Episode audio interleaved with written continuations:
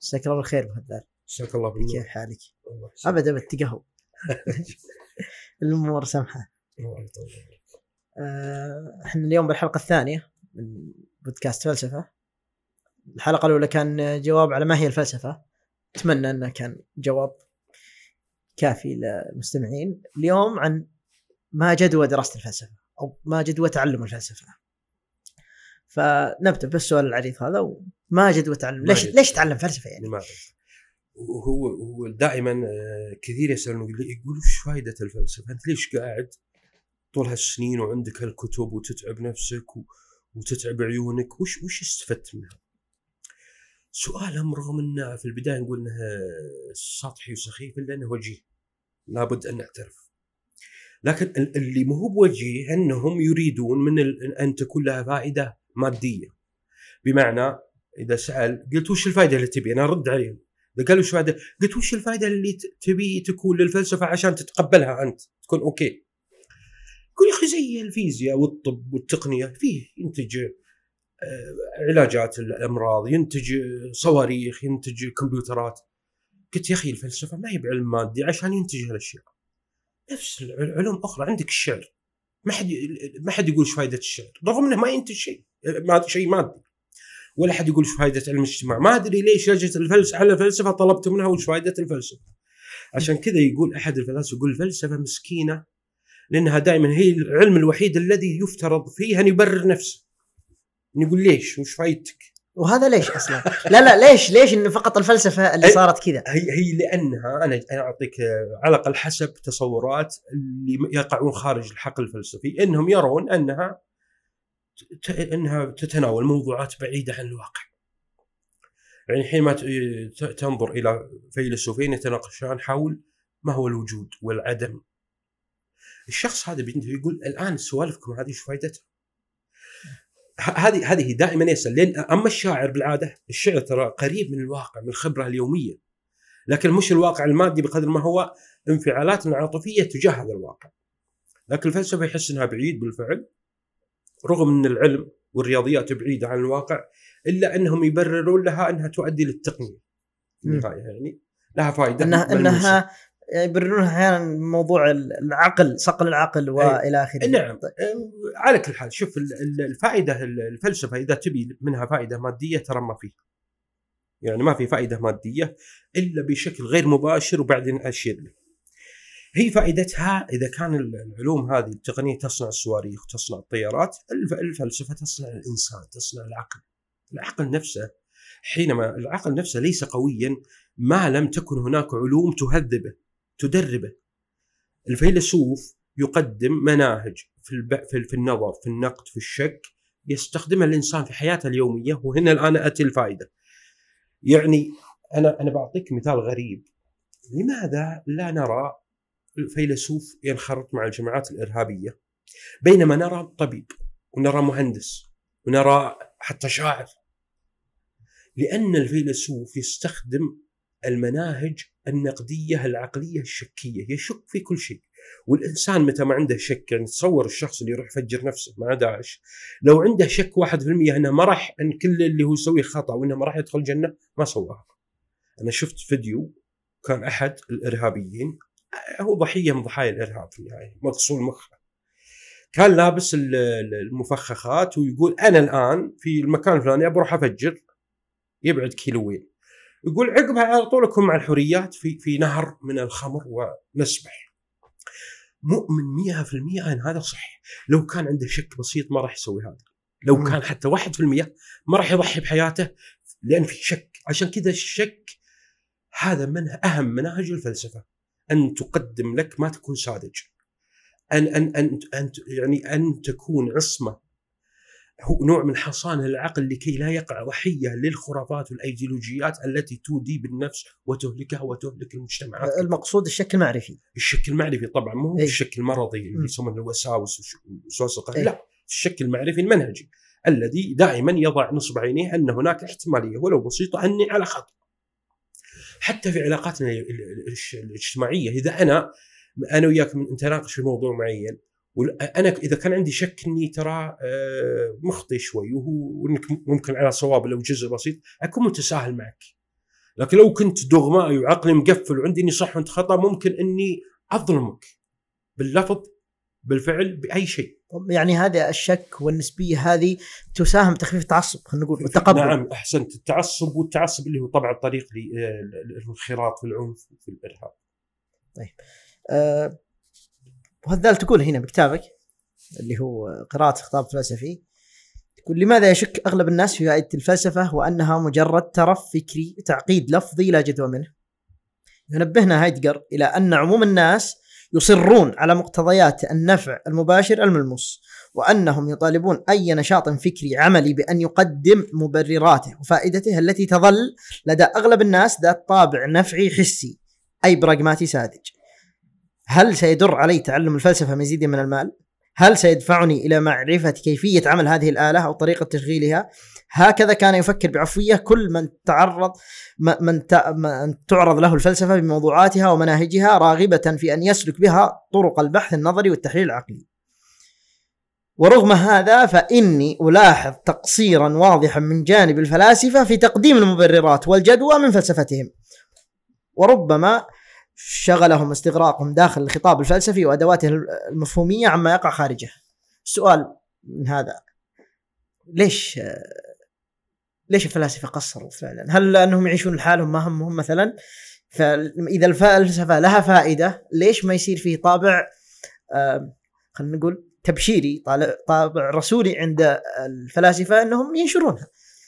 آه جميل طبعا الكلام آه، صحيح بنسبة كبيرة الفلاسفة هو مثل أي علم تخصص صاروا منغلقين أو داخل حقلهم يعني يتداولون الأفكار والنظريات فما ما لم يعودوا يسألوا عن فائدة الفلسفة. الشخص اللي يسأل عن فائدة الفلسفة يبدأ يوجه خطابه ليس للفلاسفه وإنما للجمهور خارج الحقل الفلسفي. هذا هذا هذا التخصص كان موجود ترى يعني موجود عند بعض الفلاسفة في فتراتهم التنويرية حتى الرسالية اللي اشرت لها. فولتير وروسو والكندي حينما كتب كتاب أول فيلسوف عربي كما يقال حينما كتب كتاب رسالته إلى أحمد المعتصم أشار إلى أهمية الفلسفة وأنها علم عظيم يؤدي إلى منافع كبيرة على مستوى العقل، تهذيب العقل وتنميه ملكات النقد. وحماية الإنسان من السذاجة والحمق ومن من الغباء حتى الغباء الحضاري ما يقصد الغباء الذكاء الفطري لا الغباء الحضاري لأنك تشوف شخص عبقري في مجال لكن يقع ضحية لخرافات. وهذه ذكرها فؤاد زكريا في كتاب له اللي هو المنهج العلمي أو شيء نظرية معرفة. يقول هنا يقول أعرف دكتور في الكيمياء وبحر في هالعلم لكنه إذا طلع يضع بعض التعويذات على في سيارته. بعض التمائم والأشياء. الفيلسوف ما يسوي هالشيء يسويها العالم. قد قد يمارسها بالفعل. لأن الفيلسوف هو يبدأ من الصفر. الفيلسوف أي شيء يشك فيه حتى يشك في نفسه. هم نفسهم يقول الفلسفة هل لها جدوى؟ ممكن يقول ما لها جدوى. وهذا نفسه جواب فلسفي. لذلك أنا أرى أنه من الجيد أن يقوم الفلاسفة في بعض الأحيان في تخصيص بعض كتبهم أو محاضراتهم لمناقشه أو لتوجيه خطابهم للجمهور من أجل على الأقل تقديم آه، رؤى آه، أو أفكار أو إعطاء جواب لهذا السؤال المؤرق ما جدوى الفلسفة. طيب هذا في هنا عندي نقل على موضوع آه، جدوى الفلسفة. يقول إذا لم تنفعك الفلسفه في مواجهة أشد ظروف الحياة قسوة وضراوة فمعناه أن دراستك لها إن كنت تدرسها مجرد مضيعه للوقت وعليك أن تعيد النظر في أسلوب التعلم ثم إنك قد لا تحتاج إلى الدراسة الأكاديمية المتخصصة إذا رغبت في تعلم فلسفة الحياة أو تأثير الفلسفة في حياتك ليس فقط لأن الإنسان أفضل معلم لنفسه أو لأن الحياة أفضل معلم للحياة بل لأن الطابع التقني والنظري لتدريس الفلسفة قد أفقدها القدرة على تعليم الحياة وجعلها مجرد فرصة لكي يتباهى المتعلم بأنه يتكلم عن الفلاسفه أو يتكلم مثلهم. لم يكتسب كثير من دارسي الفلسفة من دراسة الفلسفة اليوم غير وهم امتلاك المعرفة. أنا عندي أكثر من سؤال على هذا الشيء. آه، أول شيء تعليقك على أول جزء إذا لم تنفعك الفلسفة في مواجهة ظروف أشد الحياة قسوة. فمعناته أن دراساتك لها مجرد مضيع الوقت. آه هذا هذا من نفس كتاب إيه، نعم. سعيد نشيد آه جميل. هو ترى تذكر في الحلقة الأولى فكرة روسو والتربية أي وانه قد أي. لا ي... أنه لم ينفعه. هنا نفس المشكلة. هي تحدث. قد تكون شخص تحمل معرفة فلسفية. ويستفيد منها الآخرين. الآخرون يستفيدون والناس لكن أنت نفسك ما استفدت. هو أنا أرى رغم أن الفلسفة الآن في لأنها دخلت في الأكاديمية وصارت تخصصات بالفعل ابتعدت عن أن تكون فرونيسس اللي هي مفهوم الحكمة أن نستفيد منها في حياتنا اليومية. آه لكن ما ما أنا ما أدري. أعتقد أن حسب ما أعرفه من الفلاسفة أو الأغلب ممن تعلم الفلسفة أنها أنها انها تركت أثر كبير في حياته في السلوك. يعني أنا أختلف ان ان إن الأغلبية لا ربما اساتذه الفلسفة وليس الفلاسفة. لو يتكلم عن دارسي الفلسفة ترى حتى ما هو حتى إذا والله دارس فلسفة شهادة بالكليات فقط إيه. فيه اللي يدرس الفلسفة بشغف هذا هو اللي أنا أعتقد إنه راح يستفيد منها في حياته لكن اللي أستاذ الفلسفة مجرد موظف الطالب اللي بشهادة فلسفة يبي وظيفه وراتب نفس العلوم الأخرى أعتقد هذا هو بالفعل اللي ممكن ينطبق عليه الكلام. ممتاز. هذا هو الشق الثاني من سؤال من السؤال في المقطع واللي تكلمته اللي إن الطالب اللي بيدرس فلسفة بس عشان شهادة. نعم. الحين موضوع تدريس الفلسفة عندنا. إنه صار درس الفلسفة. طبعا ما أدري وش المناهج لكن انها ستدرس.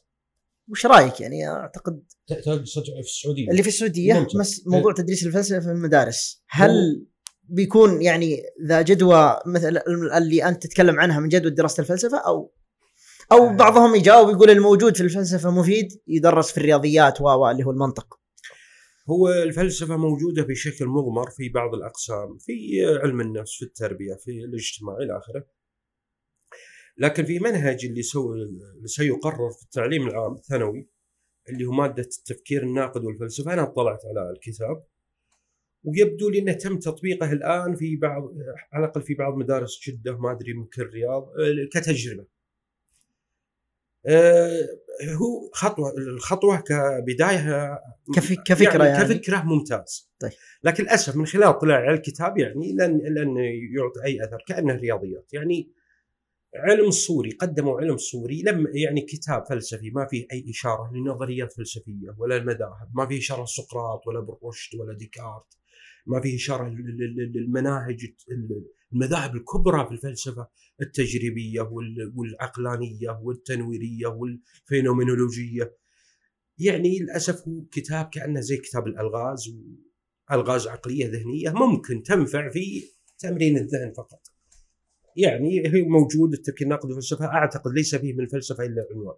أتمنى من كل قلبي من الوزاره أن تعتمد كتابا آخر تنظر في تجارب ال- ال- الدول الأخرى. ما هو بيجيبوا لنا كتاب من حق اليونسكو وترجموه فقط وقدموه بكل بساطة بدون مراجعة بدون حتى اللي أشرفوا عليه ليسوا فلاسفة ولا يعني مع احترامي لهم خبراتهم ليسوا فلاسفة ولا يعرفون الفلسفه شيء. يعني أنا أعرفهم أعرف كثير منهم اللي جميل يعني يشتغلوا عليه. يعني هو هو هو شغل فانتقادك مو بالفكرة كفكرة نعم. إنه بس إن الواقع اللي المحتوى اللي صار المحتوى. اللي صار تنفيذ الفكرة ما كان بالصورة المأمولة. عندك كواحد نعم. مهتم بالفلسفة. نعم أنا أنا أتمنى يعني عندنا في في مصر في سوريا في المغرب في تونس تحديدا أنا اطلعت على كتب الفلسفة في تونس اللي تعطى للثانوية والمتوسط يا أخي شيء عظيم جدا. هذه فلسفة صح. وكنت أتمنى استفادوا من هالتجارب. لكن مع ذلك لازلنا كما قلت نبارك أنها الخطوة الأولى في في هذا في هذا الجهد من أجل يعني آه، تنوير عقول الطلاب بعلوم عقلية ومنطقية. طيب آه، بهذا الحين بأخذ دور المستمع اللي بيسألني أنا. يقول طيب أنتم جبتوا لنا الحين تكلمتوا لنا ما هي الفلسفة؟ بعدين قلتوا لنا عن جدوى دراسة الفلسفة انها مفيدة. طيب أنا بستمر معكم. آه، أبي أدري وشلون أمشي بالفلسفة وش أبدأ؟ بجاوب أنا بقول بتيجي حلقة عن كتب الفلسفة بقول طيب عطني إلى أن تجي الحلقة بتاخذ أسابيع أو شهور لين تجي الحلقة. الحين وأنا أستمع للبودكاست حقكم بروح أشتري كتاب وأبدأ أقرأ الين تجي الحلقة اللي فيها تشعب عطني كتاب أو كتابين اللي ما دام إن اللي يدرس في المدارس وسيفرض مو بذاك المستوى أنا طالب الآن ثانوي أبي اقرا كتاب في الفلسفة. ممتاز. وش يصلح؟ هو وهذا السؤال يتكرر ويسعدني جدا كثير من الشباب والشابات دائما يأتون إلي وإلى أصدقاء لي اعرفهم مهتمين بالفلسفه يسالون دائما أعطنا بعض الكتب التي تدخلنا إلى هذا هذا الأفق الفلسفي. والله في كتب كتب كثيرة لكن ضروري المهم ضروري القراءة. يعني آه، عندنا مثلا آه، اللي دائم أوصي به عندك كتاب قصة الفلسفة اليونانية وقصة الفلسفة الحديثة. هذا الكتاب من جزئين تأليف زكي نجيب محمود وأحمد أمين. كتاب قديم يعني قد يوجد متوفرا بال PDF وأعتقد أنه صار ملك مشاع بما أنه مر على نشر 50 سنة يصبح ملك مشاع. في اذا هذا قصة الفلسفة الحديثة والقديمه والحديثة اليونانية والحديثة. وفي قصة الفلسفة المشهور حق ويل ديورانت جيد أيضا. فيه في كتاب أبسط من هذا من هذين الكتابين اللي هو كتاب صوفي عالم صوفي عالم صوفي أعتقد إنه اللي من ليس عنده اطلاع مبدئي أن يبدأ من هذا الكتاب لأنه يعني روايه صوفي. مع تقديم على الأقل مفاتيح بسيطة ممكن تغريك بالقراءه أكثر. فيه أيضا موسوعه عبد الرحمن بدوي مثل من جزئين وملحق موجودة في المكتبات السعودية جرير والتراثية وغيرها لموسوعة الفلسفة مرة جميلة. عندنا أيضا آه، ثلاثية يوسف كرم اللي هو الفلسفة اليونانيه والفلسفة. اليونانية والعصر العصر الوسيط والعصر الحديث هذه أيضا جميلة جدا ومتوفرة في مكتباتنا حسب آه، يعني خبرتي نعم مررت على بعض المكاتب وجدتها وهذه تقريبا في كتب أخرى لكن لعل هذه الكتب تكون هي البداية لأنها بسيطة وأي شيء كتبه تقريبا يعني عبد الرحمن بدوي زكي نجي محمود إمام عبد الفتاح إمام وسعيد توفيق آه وعثمان أمين هؤلاء الكتاب أنا يعني تربيت وترعرعت على كتاباتهم تحديدا المصريين، المصريين عندهم قدرة مدهشة على الشرح أكثر من المغاربة والمشارقه. يعني صراحة أدين لهم بالفضل الكبير في شرح الفلسفة وتبسيطها.